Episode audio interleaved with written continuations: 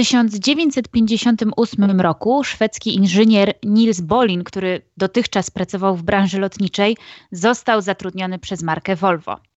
To on zainicjował zmianę dwupunktowych pasów bezpieczeństwa na trzypunktowe, które znacząco miały poprawić bezpieczeństwo kierujących i pasażerów w przypadku kolizji. I mogłoby się wydawać, że każde rozwiązanie, które poprawia bezpieczeństwo, powinno spotkać się z entuzjazmem. Niestety, pomysł innowacji w pasach bezpieczeństwa wywołał efekt zupełnie odwrotny. Komentarze o ograniczeniu ludzkiej wolności, liczne wątpliwości co do skuteczności takiego rozwiązania i złość na niewygodę takich pasów.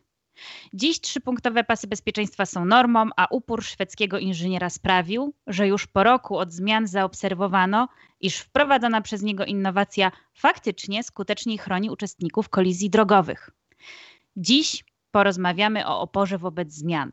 Dlaczego się ich boimy? Dlaczego jesteśmy wobec nich nieufni i podejrzliwi, skoro już Heraklit z Efezu twierdził, że jedyną stałą rzeczą w życiu jest zmiana? Ten podcast powstał w ramach współpracy z marką Volvo Car Poland. Moim i Państwa gościem jest jeden z najbardziej cenionych psychologów społecznych w Polsce, profesor Dariusz Doliński, który specjalizuje się w psychologii zachowań społecznych, emocji oraz motywacji. Witam serdecznie, panie profesorze. Dzień dobry pani, dzień dobry państwu. Ja nazywam się Janna Gutral, jestem psycholożką i psychoterapeutką i zapraszam państwa do wysłuchania tej rozmowy. Panie profesorze, myślę sobie, że do różnych zmian powinniśmy być przyzwyczajeni, no bo dzieje się ich dużo na przestrzeni naszego życia. Na przykład zmiana szkół, zmiana ról społecznych. To dlaczego boimy się wprowadzania takich zmian w życie, jak na przykład wspomniane we wstępie pasy bezpieczeństwa? Ogólnie rzecz biorąc, można powiedzieć, że człowiek jest leniwy. E, większość z nas e, jest leniwa w takim sensie, że nie chce nam się zrobić porządku na biurku, nie chce nam się umyć okien, nie chce nam się pójść na daleki spacer. Ludzie są też leniwi poznawczo, nie chce nam się e, zmieniać pewnych nawykowych działań, nawykowych zwyczajów. To bardzo proste cały czas robić to samo, bo wtedy się nie męczymy, nie myślimy, nie używamy głowy i jakoś to leci. Natomiast jeśli coś się zmienia, e, trzeba zaangażować e, umysł, trzeba zwiększyć uwagę w swoim działaniu, trzeba podejmować jakieś decyzje. Dla większości ludzi jest to niepotrzebny balast i wolą tego nie robić. Może nie dla większości, ale przynajmniej dla niektórych ludzi jest to taki właśnie balast. No ale tu słyszymy o samych korzyściach. Pasy, bezpieczeństwo, to dla naszego dobra. W zasadzie nic już nie musimy robić oprócz tego, żeby po prostu te pasy zapiąć. Więc jak radzić sobie z takimi obawami? Nawet kiedy mamy argumenty, które jasno wskazują na ochronę życia i zdrowia i one nie przemawiają.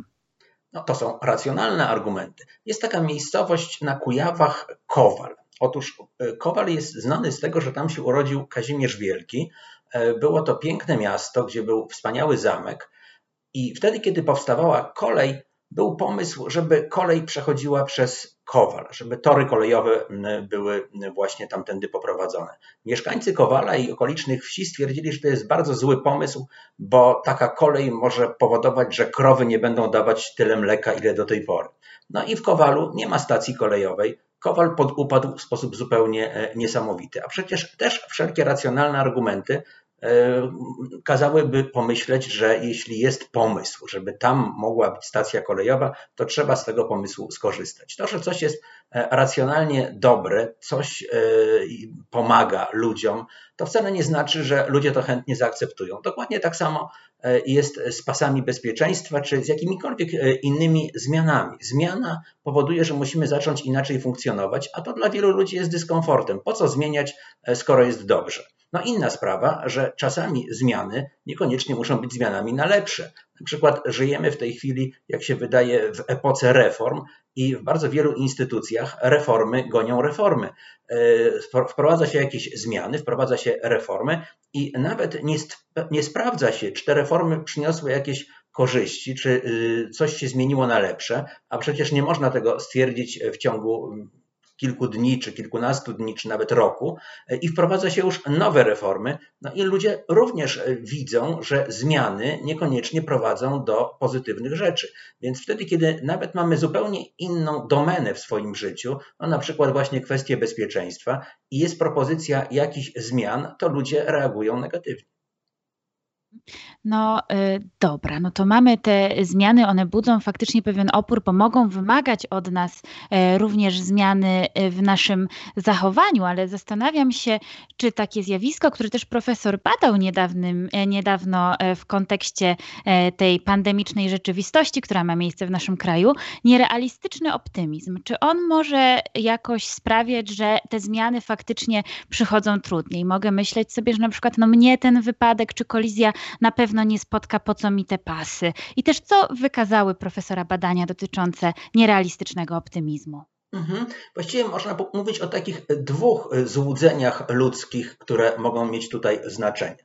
Zacznę, zacznę od pierwszej kwestii, bo e, dogodnie jest wyjaśnić ten fenomen e, na przykładzie samochodu ruchu drogowego. Otóż wyobraźmy sobie, że jedziemy trzypasmową autostradą, jedziemy środkowym pasem z szybkością prawie dozwoloną, czyli 150 km na godzinę. W Polsce, jak wiadomo, e, większość ludzi sądzi, że jak się trochę przekracza prędkość, to właściwie nie ma tego przekroczenia. No więc jedziemy 150 na godzinę i mijamy kierowców, po, e, którzy są e, po naszej prawej stronie, którzy jadą prawym pasem, a nas mijają jacyś ludzie, którzy jadą 200 na godzinę, 190 na godzinę i oni jadą lewym pasem. Otóż, co my sobie myślimy? Myślimy sobie, że ci, których my mijamy, są kiepskimi kierowcami. Jadą bardzo wolno, ostrożnie, bo nie potrafią prowadzić samochodu. Ci, którzy nas mijają, to są też fatalni kierowcy, to są dawcy organu, organów, którzy po prostu jadą e, za szybko w sposób bardzo niebezpieczny. My jesteśmy lepszymi kierowcami i od tych, którzy, od tych, którzy jadą prawym pasem, i od tych, którzy jadą lewym pasem. Krótko mówiąc, jesteśmy lepsi od większości innych kierowców.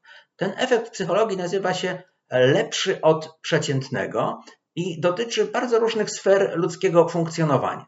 Otóż e, takim bardzo specyficznym przykładem na lepszość jest e, zjawisko, które nazywa się nierealistycznym optymizmem. Neil Weinstein pytał swoich studentów, kanadyjski psycholog, e, o to, jakie jest prawdopodobieństwo, że zdarzą im się najróżniejsze złe rzeczy, nieprzyjemne rzeczy, no takie jak zostanie alkoholikiem, tak jak atak serca przed czterdziestką, e, czy rozwód. I jakie jest prawdopodobieństwo, że coś takiego spotka przeciętnego studenta z ich roku? Pytał również o dobre rzeczy. Jakie, są, jakie jest prawdopodobieństwo, że Twoje małżeństwo będzie szczęśliwe? Jakie jest prawdopodobieństwo, że wyjedziesz na atrakcyjną e, wycieczkę w, naj, w ciągu najbliższego roku czy dwóch e, do Europy? Jakie jest e, prawdopodobieństwo tego, że będziesz miał satysfakcjonującą pracę po studiach? No i oczywiście pytał, jakie jest prawdopodobieństwo, że takie dobre, fajne rzeczy zdarzą się przeciętnemu studentowi. I okazało się, że podobnie jak z efektem lepszy od przeciętnego, ludzie sądzą, że również przyszłość ich będzie lepsza niż przyszłość e, przeciętnego studenta, a więc, że te złe rzeczy zdarzą się raczej innym niż mi, a te dobre rzeczy raczej mi niż innym. No i jeśli myślimy o tym w kontekście no na przykład pasów bezpieczeństwa, o których mówiliśmy, trzypunktowych, no to właściwie po co mi takie pasy bezpieczeństwa, po co jakaś nowość, po co jakaś zmiana,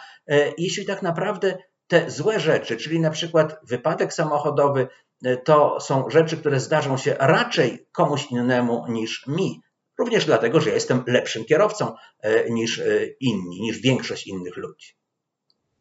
Powiedział pan profesor, że jest to takie złudzenie, a ja sobie przypominam, e, że e, takie zjawisko bycia lepszym e, niż przeciętny pojawia się w kontekście porównań społecznych, kiedy porównujemy się z innymi ludźmi. No i właśnie, czy na przykład strategią wprowadzania zmiany może być obserwacja innych ludzi, jak oni się do niej adaptują, tak zwani ambasadorowie zmiany, którzy jakoś narzucają nam ten trend i pokazują, że w ten sposób możemy lepiej zadbać o siebie czy swoje bezpieczeństwo. No tak, z całą pewnością, tylko to muszą być autorytety. Dla nas, muszą być to ludzie, których e, albo cenimy za ich wiedzę czy kompetencje, albo przynajmniej lubimy, a więc tu już byłaby e, inna kwestia, niekoniecznie ktoś musi być dla nas formalnym autorytetem, e, czy tak zwanym autorytetem epistemicznym, który imponuje nam wiedzą i kompetencjami, ale na przykład jest to jakiś celebryta, z którym ktoś się utożsamia i zauważmy, że na przykład ludzie zaczynają trochę inaczej mówić, wtedy kiedy celebryci mówią inaczej. Jeszcze 15-20 lat temu nikt nie kończył zdania słowem tak, a mniej więcej 10 lat temu celebryci w Polsce zaczęli używać słowa tak na końcu zdania i to się bardzo upowszechniło. Ludzie mówią w taki dziwny z perspektywy językowej sposób powszechnie. Oczywiście, gdybyśmy mówili o wprowadzeniu zmian, no na przykład właśnie zmiany jakichś procedur, które związane są ze zwiększeniem bezpieczeństwa prowadzenia samochodu, to w warunkach, w których po pierwsze autorytety mówiłyby, że jest to sensowne, a więc w tym wypadku ludzie, którzy na przykład są kierowcami zawodowymi y, i mm, jeżdżą różnymi samochodami po różnych drogach, a z drugiej strony celebryci, gdyby to wsparli, e, to mielibyśmy do czynienia z taką właśnie sytuacją, gdyby i celebryci, i autorytety e, mówiły jednym głosem. A bardzo często w życiu jest tak, że autorytety swoje, a celebryci swoje. No na przykład jeśli chodzi o w ogóle kwestię szczepionek. To jest przecież coś niezmiernie ważnego, gdzie właściwie wszyscy lekarze, wszyscy specjaliści od zdrowia mówią, że szczepienia są bardzo ważne, a celebryci mówią y, bardzo często y, w Polsce, że no po co się szczepić, to jest ograniczenie wolności, na szczepieniach zarabiają koncerny farmaceutyczne, albo że szczepionki powodują, powodują jakieś choroby najróżniejsze i w związku z tym nie mówią i celebryci, i autorytety jednym głosem, i mamy do czynienia z sytuacją, w której mnóstwo ludzi na przykład demonstruje, demonstruje przekonanie, że, szczepi, że szczepić się nie ma sensu i szczepić dzieci też nie ma sensu.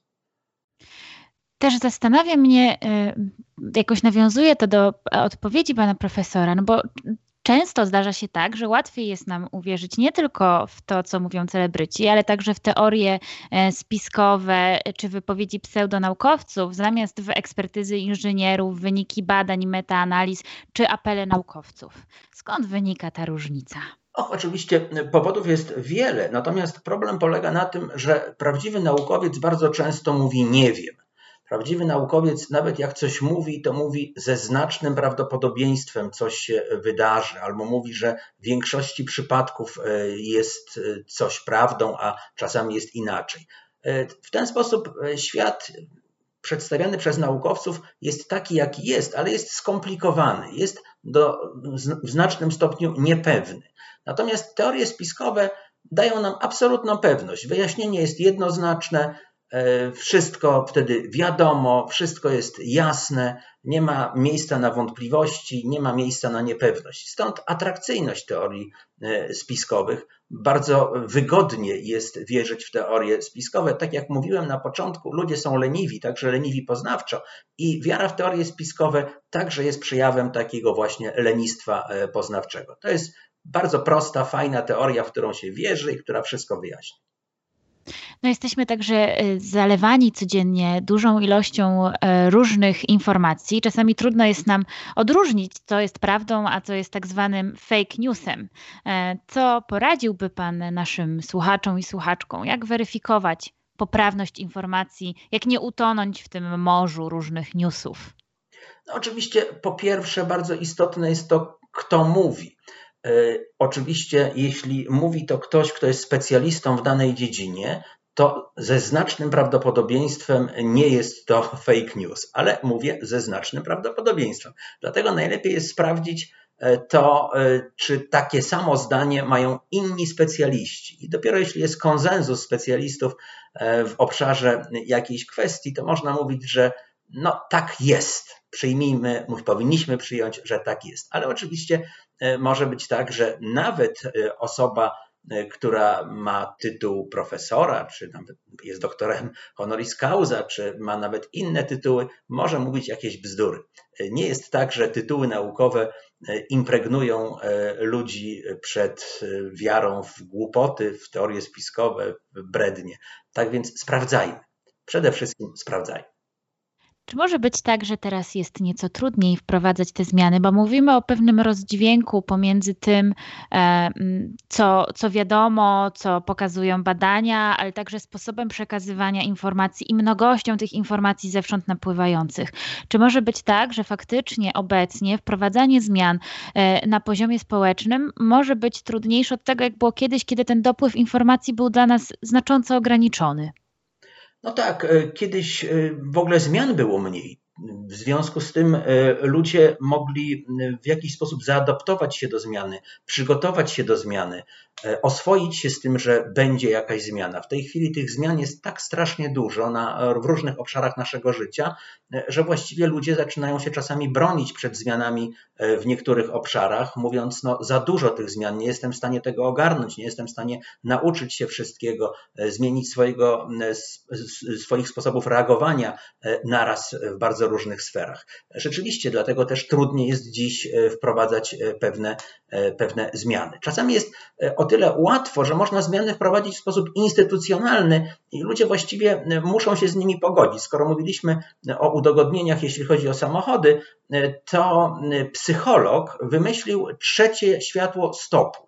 E, to jest wynalazek psychologiczny i po prostu wprowadzono e, w pewnym momencie e, do produkcji samochody, które miały trzecie światło stopu. I w związku z tym właściwie ludzie nie mieli wyboru i musieli kupować takie samochody, jakie są z tym trzecim światłem stopu. W tej chwili nikomu by nie przyszło do głowy, żeby to trzecie światło likwidować, bo wiadomo, że ono również poprawia bezpieczeństwo. No ale przecież są zmiany instytuc instytucjonalne i trochę będę wbijać kij w mrowisko, chociażby jak e, na przykład obostrzenia wynikające z pandemii. Mamy zachować dystans e, fizyczny, mamy nosić maseczki i w dalszym ciągu pojawiają się oporni wobec takich e, zmian. Dlaczego tak się dzieje? E, dlatego między innymi, że osoby, które mówią, że należy zachowywać dystans i należy nosić maseczki, zachowują się tak, jakby to ich nie dotyczyło. Jeśli ludzie słyszą e, z ekranu telewizora albo e, z ekranu swojego laptopa, wtedy kiedy przeglądają różne wiadomości w internecie, zapowiedzi władz, że należy w taki właśnie sposób się zachowywać, a potem widzą, że władze nie mają na twarzach maseczek, że gromadzą się w tłumie, bawią się na przykład ostatnio na imprezie Radia Maryja, no to nie jest nic dziwnego, że ludzie dochodzą do wniosku, że coś jest nie w porządku albo są nabierani, no bo skoro rzeczywiście jest koronawirus i e, można zabezpieczyć się przed zakażeniem poprzez utrzymywanie społecznego dystansu i noszenie maseczek i dbanie mm, o higienę, no i jeśli tak jest, to chyba władze, które o tym mówią, e, powinny zachowywać się właśnie tak. Natomiast jeśli władze zachowują się inaczej niż mówią, mamy do czynienia ze swoistą hipokryzją, z rozbieżnością między tym, co się mówi, a tym, co się robi, no to ludzie mogą wątpić, że takie zagrożenie istnieje. W związku z tym, no nic dziwnego, że tak trudno ludzi przekonać do tego, żeby e, zachowywać się w taki sposób. Poza tym, nie ulega wątpliwości, że są to zachowania, które obniżają naszą jakość życia. E, musimy jednak e, utrzymywać dystans od osób, które znamy. Nie możemy się zbyt często kontaktować bezpośrednio e, z tymi osobami. Musimy mieć na twarzy maseczkę, co no, jest pewną niedogodnością, większą bądź mniejszą, ale jest. Musimy też wziąć pod uwagę, że dla niektórych ludzi te wszystkie obostrzenia covidowe to jest ogromny problem życiowy to jest kwestia taka, że na przykład mają małe mieszkania e, i e, w tych małych mieszkaniach trójka dzieci w jednym pokoju musi naraz odbywać e, lekcje. Inni ludzie żyją z tego, że na przykład mają restauracje, organizują wesela, czy też w tej chwili mają jakieś pensjonaty, gdzie mogliby przyjmować, czy hotele, gdzie mogliby przyjmować gości. No i to jest dla nich potworny cios. W takiej sytuacji e, ludziom wygodnie jest poznawczo, e, wygodnie jest myśleć, że to jest kompletna bzdura i to jest kompletnie niepotrzebne i że gdyby tych obostrzeń nie było, to świat by wyglądał dokładnie tak samo albo i lepiej. W związku z tym tacy ludzie e, odrzucają mm, odrzucają tezę, że takie właśnie obostrzenia są w ogóle potrzebne. Myślę, że takim zmianom mogą towarzyszyć różne negatywne emocje, chociażby jak złość, chociażby jak lęk. Jak możemy się wspierać w procesie też adaptacji do tego zmieniającego się środowiska? Jak możemy siebie wesprzeć? Jak możemy sobie pomóc? No, przede wszystkim myślę, że y, musimy wziąć pod uwagę to, że jeśli jesteśmy razem, z konieczności, e, z powodu pandemii, z innymi osobami e, w jakiejś zamkniętej przestrzeni, zwłaszcza małej przestrzeni, to rośnie prawdopodobieństwo wzajemnych nieporozumień, rośnie prawdopodobieństwo jakichś sytuacji stresujących. Rośnie prawdopodobieństwo tego wreszcie, że będziemy odczuwać złość w stosunku do innych osób, ponieważ złość jest taką specyficzną emocją, która jest w ogóle bardzo interesująca dla psychologów. Po pierwsze, jest tak, że właściwie wszystkie emocje, oprócz złości, jeśli chodzi o ich rozkład częstości, mają rozkład tak zwany normalny, a więc większość ludzi E, na przykład cieszy się e, albo smuci się, albo wstydzi się średnio często. E, mniej jest takich, którzy rzadziej lub częściej. A więc mamy do czynienia z takim typowym dzwonowatym rozkładem lub też rozkładem normalnym, wszystko jedno jakiego terminu użyjemy. Natomiast złość ma rozkład dwuwierzchołkowy, to znaczy jest mnóstwo ludzi, którzy złoszczą się bardzo, bardzo rzadko i sporo ludzi, mniej więcej tyle samo, którzy zło, złoszczą się z kolei często, co najmniej kilka razy w tygodniu. Natomiast mało jest takich, którzy rzadziej niż powiedzmy raz na rok i takich, którzy złoszczą się co godzinę. Ale te dwa wierzchołki są dosyć wyraźne. No i teraz druga kwestia związana ze złością dotyczy tego, na kogo się złościmy. Otóż wydawałoby się, że skoro złość jest taką negatywną emocją, to wybuchy złości najczęściej zdarzają nam się wtedy, kiedy spotykamy kogoś, kogo nie lubimy, kogoś, kto jest naszym wrogiem. Tymczasem okazuje się, że wtedy, kiedy bada się e, ekspresję złości, to najczęściej złościmy się na ludzi, którzy są bliscy nam, a więc złościmy się na własnych rodziców, własne dzieci, współmałżonka czy współpartnera. E, złościmy się także na, na, bliskich nam przyjaciół. No i teraz, jeśli jesteśmy zamknięci w jakiejś przestrzeni i właśnie na przykład z partnerem, czy z partnerką, e, czy z rodzicami e, przebywamy właściwie wiele, wiele godzin w tej chwili, a kiedyś było to znacznie rzadsze, to i prawdopodobieństwo wybuchów złości z obu stron jest zdecydowanie zwiększone. No a jeśli jeszcze znajdzie się osoba, która jest na tym drugim wierzchołku częstości ekspresji złości, która w ogóle złości się bardzo często, to w warunkach, w których e, jest non-stop z jakąś inną osobą, to ta złość może być e, tak częsta, że właściwie wydaje się być e, wręcz nie do wytrzymania. No więc musimy po pierwsze zdać sobie sprawę z tego, że w takiej sytuacji ta ekspresja złości jest czymś naturalnym i tak naprawdę wybaczać sobie nawzajem i po złości uśmiechać. Rozmawialiśmy o takich e, zmianach odgórnych, instytucjonalnych, ale przecież każdy z nas e, w życiu podejmuje także takie decyzje o osobistych zmianach i czasami e, stojąc u progu takiej decyzji możemy bardzo obawiać się tego, jakie poniesie ze sobą konsekwencje. To jest też taki sprawdzian dla tego, co myślimy o sobie i swoich zasobach, zasobach. Czy sobie poradzę, jak sobie poradzę. To także może być taki czynnik wyzwalający dla lawiny zamartwiania się o to, jak ta zmiana się potoczy. Jak możemy się przygotować do radzenia sobie ze zmianą, nawet taką, która jest nieunikniona. Mhm. Y, bez wątpienia jest tak, że wtedy, kiedy mówimy o reagowaniu człowieka na nowe sytuacje, nowe, które mogą być trudne, nowe, które e, stawiają przed nami jakieś nowe zadania czy oczekiwania, e, ogólnie mówi się, że są ludzie, którzy traktują takie sytuacje w kategoriach wyzwań, i są e, ludzie, którzy traktują takie sytuacje w kategoriach zagrożeń.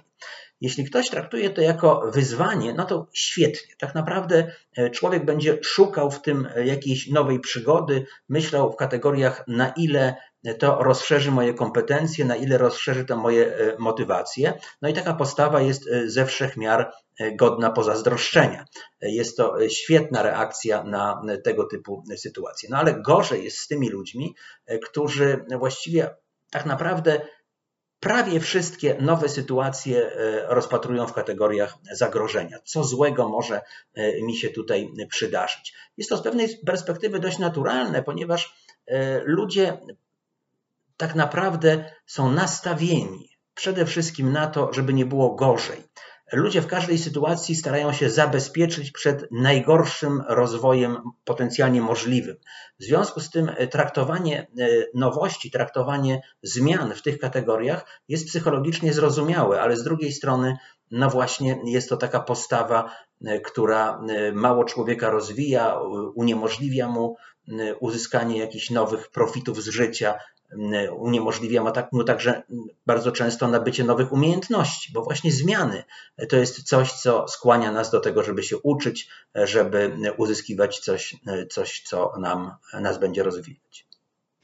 Według badań Kanter do zasadniczych źródeł takiego oporu wobec zmiany należą m.in. niejasno stawiane cele albo niejasno określone oczekiwania, ale także niechęć dotycząca zrezygnacji z określonych ram czy e, przywilejów, a także świadomość swoich własnych stron w obliczu proponowanej zmiany. Czy jest jeszcze coś, zdaniem pana profesora, co mogłoby się do źródeł tego oporu zaliczać? E, no, do źródeł tego oporu może zaliczać się także taka osobowościowa samoocena, która jest wprawdzie wysoka, ale niepewna.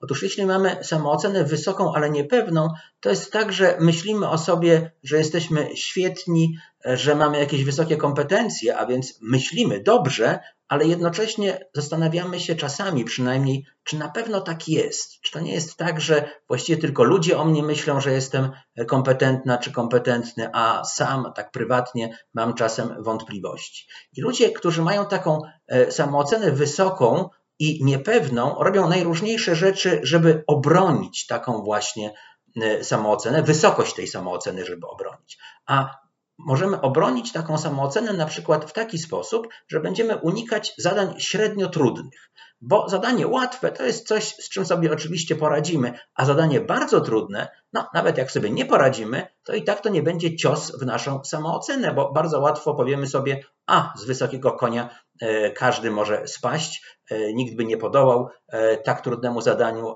ja i tak jestem dobry, no a oczywiście no, genialny to może nie jestem, ale dobry, dobry jestem. No i właśnie zmiana to jest również pewne wyzwanie dla e, diagnozy naszych kompetencji. To jest pytanie, czy poradzę sobie w tej nowej sytuacji, e, czy moje kompetencje są wystarczające. Opór wobec zmiany może być taką e, próbą obrony przekonania o swojej wartości. Ja po prostu nie spróbuję. Ja nie chcę tego robić. Od razu tłumaczymy sobie, że to jest mało interesujące, to jest głupie, E, po co ta zmiana, no i w związku z tym unikamy informacji, które mogłyby e, dotrzeć e, do naszej głowy, informacji o tym, że być może nasze kompetencje wcale nie są takie wysokie, jak wszystkim się wydaje, czy jak my lubimy o sobie myśleć. Kiedy pan profesor o tym e, opowiadał, przyszła mi do głowy taka właściwość, którą posiadają niektórzy z nas, to znaczy niska tolerancja niepewności, że wszystko to, co wiąże się e, z nieznanym, może zwiększać tą, tą naszą obawę przed e, porażką i lęk przed kompromitacją i taką wątpliwość dotyczącą tego, czy mogę sobie z tym poradzić. Zastanawiam się, no właśnie, co taka osoba, która ma niską e, samoocenę, niską tolerancję na niepewność, może zrobić, aby e, jakoś wesprzeć siebie w tym, czego się tak naprawdę bardzo obawia? No, niezłą strategią jest e, kooperowanie z innymi ludźmi. Jeśli e, ja się boję, to e, współpraca z innymi ludźmi zmniejsza ryzyko porażki, to po pierwsze, no bo wiadomo, że e, grupa lepiej rozwiązuje pewne zadania niż, niż pojedyncza osoba, zwłaszcza wtedy, kiedy grupa jest zróżnicowana, jeśli chodzi o kompetencje i każdy umie coś innego świetnie i ludzie się nawzajem wspierają i razem rozwiązują problemy. No i w związku z tym, po pierwsze, rośnie szansa na dobre wykonanie danego zadania, na opanowanie umiejętności. No a po drugie, nawet jak grupie nie uda się tego zrobić, no to zawsze można sobie powiedzieć, wcale nie jestem taki najgorszy, nikomu z nas się to nie udało, e, a więc w ten sposób ludzie będą e, bronić e, swoją samoocenę do pewnego stopnia, nawet racjonalnie przecież, no bo skoro grupa nie zdołała tego zrobić, to ja nie jestem taki, taki najgorszy. Więc współpraca z innymi ludźmi, robienie razem jest takim sposobem także na pokonywanie oporu wobec zmian, także takich zmian, które są w jakiś sposób ryzykowne. Ludzie łatwiej, chętniej ryzykują razem z innymi niż e, indywidualnie. Z takich badań Oldroyda z lat 80. E, pamiętam, że zostały zdiagnozowane e, trzy takie bariery e, dotyczące zmiany i, i, przy jednej z nich chciałabym się zatrzymać, czyli oprócz tej strefy materialnej, która może być barierą do wprowadzania zmiany, oprócz takiej strefy dotyczącej stylu kierowania zasadami postępowania, jest jeszcze taka strefa wartości, do których należą też wartości psychologiczne. No i tutaj jako taki czynnik wskazuje się mentalność mentalność ludzi, na przykład w danym zawodzie, w danej grupie społecznej, które czasami ma swoje korzenie, na przykład w systemie edukacji, w tym jak zostaliśmy wychowani, jaki jest nasz stosunek e, wobec w ogóle zmian czy e, naszych e, możliwości zawodowych, w jaki sposób my możemy aktywnie w ogóle, czy możemy jakoś aktywnie wpływać na, zmian, na zmianę swojej postawy w stosunku do jakichś wartości. Ja myślę, że system edukacji jest czymś fundamentalnym z perspektywy e, tego, o czym rozmawiamy. Ellen Langer, znakomita amerykańska badaczka, mówi, że ludzie bardzo często funkcjonują w sposób bezrefleksyjny, automatyczny. Bezrefleksyjność wiąże się między innymi e, z tym, że ludzie bezrefleksyjni nie lubią koncentrować się na przyszłości. Człowiek bezrefleksyjny chce tylko robić to, co robił do tej pory i najchętniej żyje przeszłością. Ta bezrefleksyjność jest w ogóle czymś bardzo e, niedobrym dla ludzi, z tego względu, że na przykład są badania, które pokazują, że bezrefleksyjność skraca życie. Ludzie bezrefleksyjni częściej chorują i krócej żyją niż ludzie refleksyjni. Ludzie bardzo często e, chorują i umierają mniej więcej pół roku do półtora roku po, przejście, po przejściu na emeryturę, bo zmniejsza się ich refleksyjność funkcjonowania, zmniejsza się sytuacja, w której są nowe, nowe zdarzenia, na które muszą reagować, są nowe wyzwania, tylko jest powtarzalność e, codziennych czynności. To ludzi zabija tak naprawdę. Jak się ma do tego edukacja? Otóż Ellen Langer e, robi e, najróżniejsze badania, zarówno takie o charakterze desk research, siedzenia przy biurku i przeglądania danych, jak i badania eksperymentalne. Otóż jeśli chodzi o kwestię pierwszą, to Langer dokonuje analizy systemu amerykańskiego edukacji i jej uwagi o tym, że edukacja e, wzmaga bezrefleksyjność, e, odnoszą się znakomicie także do systemu edukacyjnego polskiego, kto wie, czy nawet nie bardziej. E, I Langer mówi, że E, ludzie uczą się przede wszystkim na pamięć, czyli uczą się bezrefleksyjnie, bo tego wymaga od nich szkoła, a znacznie mniej jest wymagań dotyczących zrozumienia pewnych procesów. Doktoranci Langer, Kami e, i Lewis e, idą do drugiej klasy szkoły podstawowej w Stanach Zjednoczonych i dają dzieciom następującą zagadkę. Na statku jest 16 owiec i 10 kóz. Ile lat ma kapitan statku? Dwójka dzieci otwiera usta ze zdumieniem, ale cała reszta krzyczy, że kapitan statku ma 26 lat, bo, e, czy 36. W każdym razie dzieci dodają kozy do owiec. Dlaczego? Dlatego, że przez ostatnie pół roku, gdy padała jakaś liczba, e, był spójnik i i znowu jakaś liczba, no to trzeba było dodać jedno do drugiego. To oczywiście może nam się wydawać e, śmieszne, zabawne, ale zastanówmy się nad następującym pytaniem. Właściwie dwa pytania można by było e, podać. Po pierwsze, czy słyszałaś, czy słyszałeś o tym, że E równa się mc kwadrat? No właściwie zadając takie pytanie, można by narazić się na to, że ktoś nas pobije, bo to jest obraza, to jest kod naszej cywilizacji. Wszyscy wiedzą, że E równa się mc kwadrat. Ale jeśli zapytamy ludzi, którzy skończyli e, szkołę, kilka lat temu, kilkanaście lat temu, kilkadziesiąt lat temu i potem nie kształcili się e, w kierunkach politechnicznych, czy też nie studiowali fizyki albo matematyki czy informatyki, co to znaczy, że E równa się mc kwadrat, to ludzie wzruszają ramionami i mówią nie wiem. Czyli szkoła nauczyła nas pustego wzoru, E równa się mc kwadrat, a nie nauczyła nas myśleć, jakie są zależności między energią, masą i kwadratem prędkości. Szkoła nie nauczyła nas przecież tego, jak to się dzieje, że odkurzacz odkurza, a samolot lata. Szkoła nauczyła nas tego, że y, coś trzeba pamiętać. E, szkoła jest więc kopalnią tak naprawdę metod, które kształcą bezrefleksyjność, a bezrefleksyjność to jest właśnie opór wobec nowego, to jest opór wobec zmian, to jest tendencja do tego, żeby zawsze było tak, jak jest do tej pory. Więc myślę sobie, że tylko zmiana, tak, to co sugeruje Langer, e, mówiąc o tak zwanym uczeniu warunkowym, o sytuacji, w której trzeba koniecznie przede wszystkim zrozumieć, w którym trzeba zawsze być krytycznym, w którym trzeba patrzeć na ten sam problem z bardzo wielu problemów, z bardzo wielu perspektyw, to jest coś, co tak naprawdę może mieć znaczącą e, rolę e, w uczeniu człowieka tego, że zmiana jest czymś ciekawym przede wszystkim, a w znacznie mniejszym stopniu zagrażającym. Oczywiście trzeba być ostrożnym, wprowadzając zmiany, trzeba w bardzo wyważony sposób kierować swoimi działaniami wtedy, kiedy coś się zmieniło, ale zmiana nie powinna być traktowana e, jako coś, e, przed czym się koniecznie musimy bronić. A szkoła niestety oparta na bezrefleksyjności wykształca w nas taki nawyk, żeby robić to, co się robiło do tej pory e, w sposób sztampowy i konsekwentny to co my teraz z tym nawykiem możemy zrobić? Pomyślałabym sobie, że tym większa rola naukowców i ich ostrożnego opisu, ale takiego realnego opisu rzeczywistości. Z drugiej strony mamy szum informacji, celebrytów. Panie profesorze, czy my jesteśmy już skazani na straty? Czy jest jeszcze dla nas jakiś ratunek?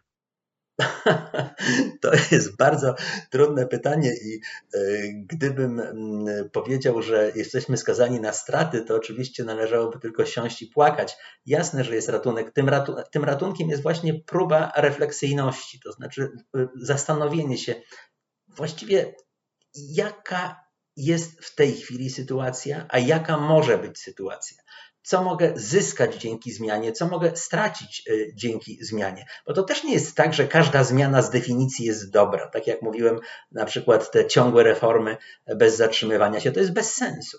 E, ale powinniśmy właśnie refleksyjnie i racjonalnie wybierać, reagować na zmiany. Niektóre są konieczne i musimy się im podporządkować. Inne są takie, gdzie mamy wybór zmieniać czy nie zmieniać. Więc wtedy bardzo e, ważne jest to, żebyśmy podeszli do tego refleksyjnie i racjonalnie, zastanawiali się, czy zmienić, czy nie. To są często bardzo proste rzeczy, na przykład to, czy zmienić kafelki w kuchni, czy nie zmienić. No, są pewne zyski, są pewne straty i musimy rozważyć jedno i y, drugie. Zauważmy też, że jeśli pomyślimy o myśleniu o tym, co się stało, to ludzie zdecydowanie częściej żałują tego, czego nie zrobili, niż tego, co zrobili. Więc z tej perspektywy można powiedzieć, że idąc w tył i, i, myśląc o przyszłości, jeśli zastanawiasz się i nie wiesz, to raczej zrób e, niż nie zrób, czyli raczej dokonaj zmiany, zareaguj pozytywnie na zmianę, niż opieraj się przed nią. Ale jak mówię, nie jest to bezwarunkowe i powinniśmy zawsze refleksyjnie to rozważać. Panie profesorze, już tak na podsumowanie e, naszej rozmowy i naszego spotkania, kilka rekomendacji dotyczących oswajania i wprowadzania zmian od profesora Dariusza Dolińskiego. Bardzo trudne zadanie postawiła mi pani e, na sam koniec w dodatku. E, ja bardzo nie lubię radzić ludziom, z tego względu, że uważam, że człowiek jest istotą, która powinna sama wybierać. Człowiek jest odpowiedzialny za swoje działania, a my e, w Polsce w znacznym stopniu unikamy właśnie odpowiedzialności za to, co robimy, za decyzje, e, które podejmujemy. Wynika to po części z czegoś, co tkwi w naszym języku, wbrew pozorom, ponieważ język nie uczy nas odpowiedzialności za własne czyny. Wyobraźmy sobie sytuację z amerykańskiego filmu, E, myślę o kinie rodzinnym, widzimy małe dziecko, które siedzi na górze na zjeżdżalni, boi się zjechać w dół. E, dorosły opiekun stoi na dole, e, dopinguje dziecko zjedź. Dziecko w końcu odważa się, zamyka oczy, bo ta odwaga nie jest taka zupełna, puszcza rączki, jedzie w dół, dorosły łapie to dziecko, przytula i co mówi? Otóż amerykański dorosły mówi: You did it, you did it, zrobiłeś to, zrobiłaś to ale my oglądamy ten film w polskiej wersji językowej i nie słyszymy zrobiłaś to, zrobiłeś to, słyszymy udało ci się, zobacz, udało ci się. Otóż zauważmy, że you did it oznacza, że ty to zrobiłeś i w związku z tym ty możesz zrobić to ponownie, a w ogóle to od ciebie zależy, co się dzieje z tobą i wokół ciebie. udało się, to jest kategoria, która mówi, od ciebie nic nie zależy. Tak naprawdę albo się udaje, albo się nie udaje, to jest kwestia losu, to jest kwestia przypadku.